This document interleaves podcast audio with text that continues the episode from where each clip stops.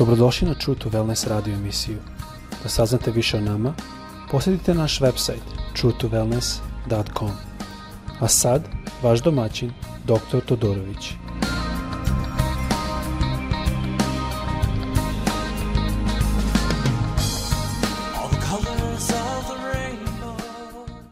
Ljubaznim pozdravljam sve, dobrodošli na naš podcast. Nadam se da ste dobro, da je vaša familija dobro, i da hodate u jednom blagoslovu. Želo bi danas da malo pročitamo iz e, Evanđelje po Luci, 18. glava, 38. stih. Počet ću malo sa ranim, počet ću sa 35. stihom gde da kaže ovako. Kad je Isus došao na domek, na domek Jerihona, neki slepac je sedao kraj puta i prosio. Čuši da mnogo naroda prolazi tuda, upitao čemu se radi. Rekli su mu da prolazi Isus iz Nazareta. On tada povika, Isusa, sine Davidov, smiluj mi se. Sada nastavit ću za, za časak dalje, ali mislim da je ovde prvo bitno da vidim ovo. Ovo je put, ovde se radi o putu između Jeriho i Jerusalema. A e, taj put sada isto postoji, mada ne ide pravo na Jeriho, Ovaj put može lako da se sećate iz jedne druge priče što je Isus ispričao nama, a to je priča o dobrom Samaritanu. To je bio prilično opasan put. I oni što su napali čoveka i ostavili ga za mrtvog, a se sećate vratno te priče da je prošao prvo svećenik, pa onda levi i nijen nije stao, a Samaritan je stao, koji je bio preziran. Znači, taj put je bio prilično opasan. Ja sam imao prilike da malo vozim tom erijom, ne znam da li je to baš taj put, ali otprilike od Jerusalima ide dole ka Mrtvom moru. Sada, samo da imate e, jednu ideju, možda precizniju, Jerusalim je prilike 785 metara iznad morske površine, a put ide ka Mrtvom moru koji je nekih 500 metara, malo manje od 500 metara ispod morske površine. Tako da možete zamisliti, to nije tako daleka relacija, ali prilično je nizbrdice ili uzbrdice, zavisi u kom pravcu idete. Jariho je u istoj toj e, dolini e, koja, u kojoj isto ide Galilejsko more, gde se nalazi Galilejsko more i to je dolina koja je prilično ispod morske površine.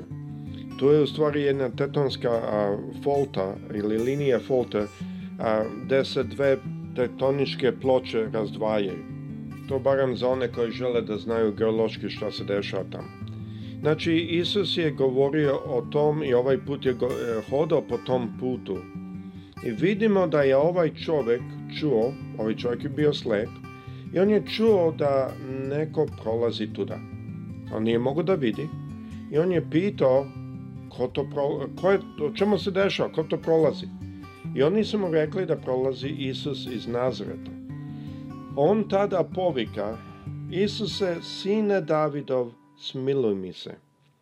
Meni je zanimljivo, um, znate, vi možete, ja sam bio u Izraelu, kao što sam rekao, i mnogi od vas možda ste bili tamo, ili možete zamisliti, ne može čovjek samo da sedi prvi put i da samo vikne sine Davidov. Amin mora, to ipak znači Mesaja. To znači Gospod u efektu Mesaja koje treba da dođe. Tako da mi je bilo upalo u oči, pošto je bilo tu toko fariseja i saduseja koji su bili protiv Hrista. I vidimo u raznim drugim delovima evanđelja, vidimo da čak nisu dozvolili da ljudi go, pozivaju na ime Hristova, ako pozivaju bili bi istarani iz e, sinagoge. Tako da vidimo da je to nije bilo nešto najlakše reći. Ali ovaj čovek je rekao baš pa to, on je rekao Isuse, sine Davidov, smiluj mi se. Ovde ima drugi deo, smiluj mi se. To pokazuje da je, da je on znao ili očekivao da je Isus sin Davida, znači Mesaja, da je isto neko koji će se smilovati. Verovatno, mi ne znamo sve što se dešlo u to doba, verovatno da je bila reč o Isusu otišla pod samom kraju – i da su ljudi znali da je on neko koji se smile ljudima. To isto vidimo po tome što na neka mesta vidimo da Sadeseji i Fariseji su mnogo puta čekali da vide da li će on da iseli u subotu. To znači da poka i pokazuje da je, su oni očekivali da će on iseliti u subotu. Zašto? Znali su ga, videli su kako se on ponaša. I ja s tim zaključujem, znali su da on je milostiv ka ljudima. Tako da ovaj čovek vidimo da je znao o Isusu, znao da on Mesaja i da je milostiv. I kada Isus prolazio, on je viknuo. Sada, isti ti što smo rekli da je Isus, da je to Isus što prolazi, isti ti kad je počeo da viče, njihova reakcija bila malo drugačija. U stihu 39 ovde kaže, Oni što su išli napred, korili su ga i učutkavali, a on je još više vikao, sine Davidov, smiluj mi se. Kad ovo gledam, vrlo lako mi je zaključiti da on nije to tiho govorio. To nije bilo Isuse, sine Davida. To je bilo glasno, to je bilo dovoljno glasno da on nekam smetao. I oni su pokušali da ga učute. I to mi je zanimljivo, Zato što mnogo puta mi to vidimo u crkvama. Ja sam bio u crkvama da je, bio sam u crkvama naime da ima isto buka, možda nije potrebno, ali to je druga priča. Ali bio sam u jako puno crkva da je, dobro je dokle god ne tražiš i ne zoveš Isusa previše glasno. Dobro je da dokle god a, onako tražiš u sebi i a, civilno hrišanstvo imaš, što god to znači mnogim našim crkvama vidi se da je da ono nemoj previše da se uzbuđen, nemoj previše da te reč Bože dotačinje, da nemoj previše, nije to dobro.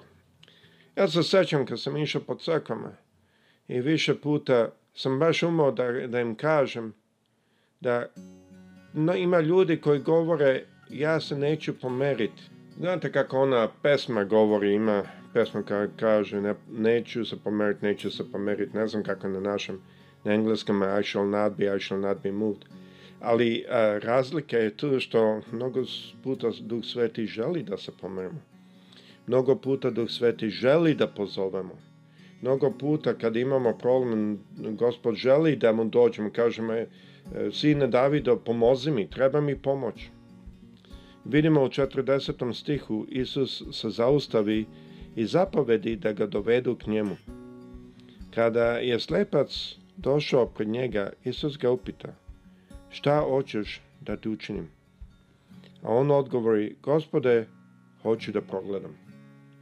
Zanimljivo, kod njega nije bilo puno mama, nije tražio novac, nije čak tražio ni celokupno zdravlje, nije tražio ni ima lep život, zato što je on bio bolestan, da kažem. Imao je jednu manu u telu. Bio je slep. I on je prosto hteo da progleda. I sada ovde možemo videti značenje ono što Isus rekao da nije došao za one koje ne pravi lekare, nego je došao ka bolesnima. Lekar je potreba, potreban bolesnima. Reč Bože nas uči da Isus nije došao za pravednike, nego za grešnike. Ali zašto? Mnogo puta mi to pročitamo, kažemo da, da, da. Ali vidite kako onaj koji je bolestan, kako se ponaša. On traži, želi da bude oslobođen. On traži da, da progleda u ovom slučaju. Kod njega ništa drugo nije bitno. To je bitno da razumemo, jer to je, na to je Isus rekao kad je rekao zdravima ne treba lekar, nego bolesnima. Zašto? On tu pokazuje jedan način na koji mi trebamo tražiti njega kao bolesan što traži izlečenje. Njemu ništa drugo nije stalo, njemu samo treba to. I onda ovde u 42. stihu kaže, tada Isus reče, progledaj, tvoja vera te je ozdravila. On pogledaš istog trena, onda je pošao za Isusom slaveći ga. Videvši ovo, sav je narod slavio Boga.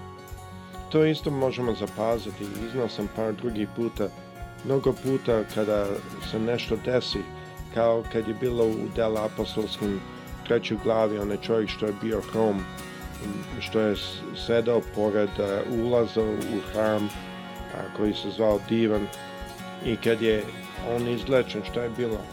On je skočio, skočio i slavio Boga. Tu vidimo kako ljudi koji su bolesni reaguju kada dođu do lekara.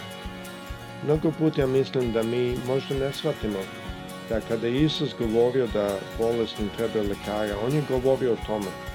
To su ljudi koji žele da se oslobode onog što ih muči. To su ljudi što žele da se oslobode i te bolesti. I to je reakcija kada ih Isus dotakne, oni skaču i hodaju. I vidi se zaista da e, su a, promenjeni. Kao što sam spomenuo malo ranije, ovde isto vidimo da Isus i njegovu moć pomera naša vera, je ovde kaže, u 42. stihu kaže, Isus je rekao, pogledaj, tvoja vera te je ozdravila. Znači, naša vera kada se u njemu nalazi, kao što sam više puta ranije rekao, to nije samo verovanje da on postoji, to jest je vreme i dane šest, nego da on isto ima s nama odnos, to jest mi imamo s njim odnos. Ta vera nosi odnos sa sobom. Ne samo vera da on postoji u smislu ateizam versus religija. Ali vidimo tu da Isus reaguje na dve stvari. Sažaljenje, to je smuka u kojoj se mi nalazimo, i vera u kojoj stojimo. Mislim da je jako bitno da svaki dan ispitujemo našu veru. Da li smo mi našli tu veru kao onaj čovek što je našao biser i prodao sve da bi samo našao taj biser. Dakle, mi isto moramo naći veru danas u našim srcima. Moramo naći se na tom stepenu gdje Isus, njegovo evanđelje i što On želi u našem životu je najveća stvar za nas. Glasno sa svima vam prijetno.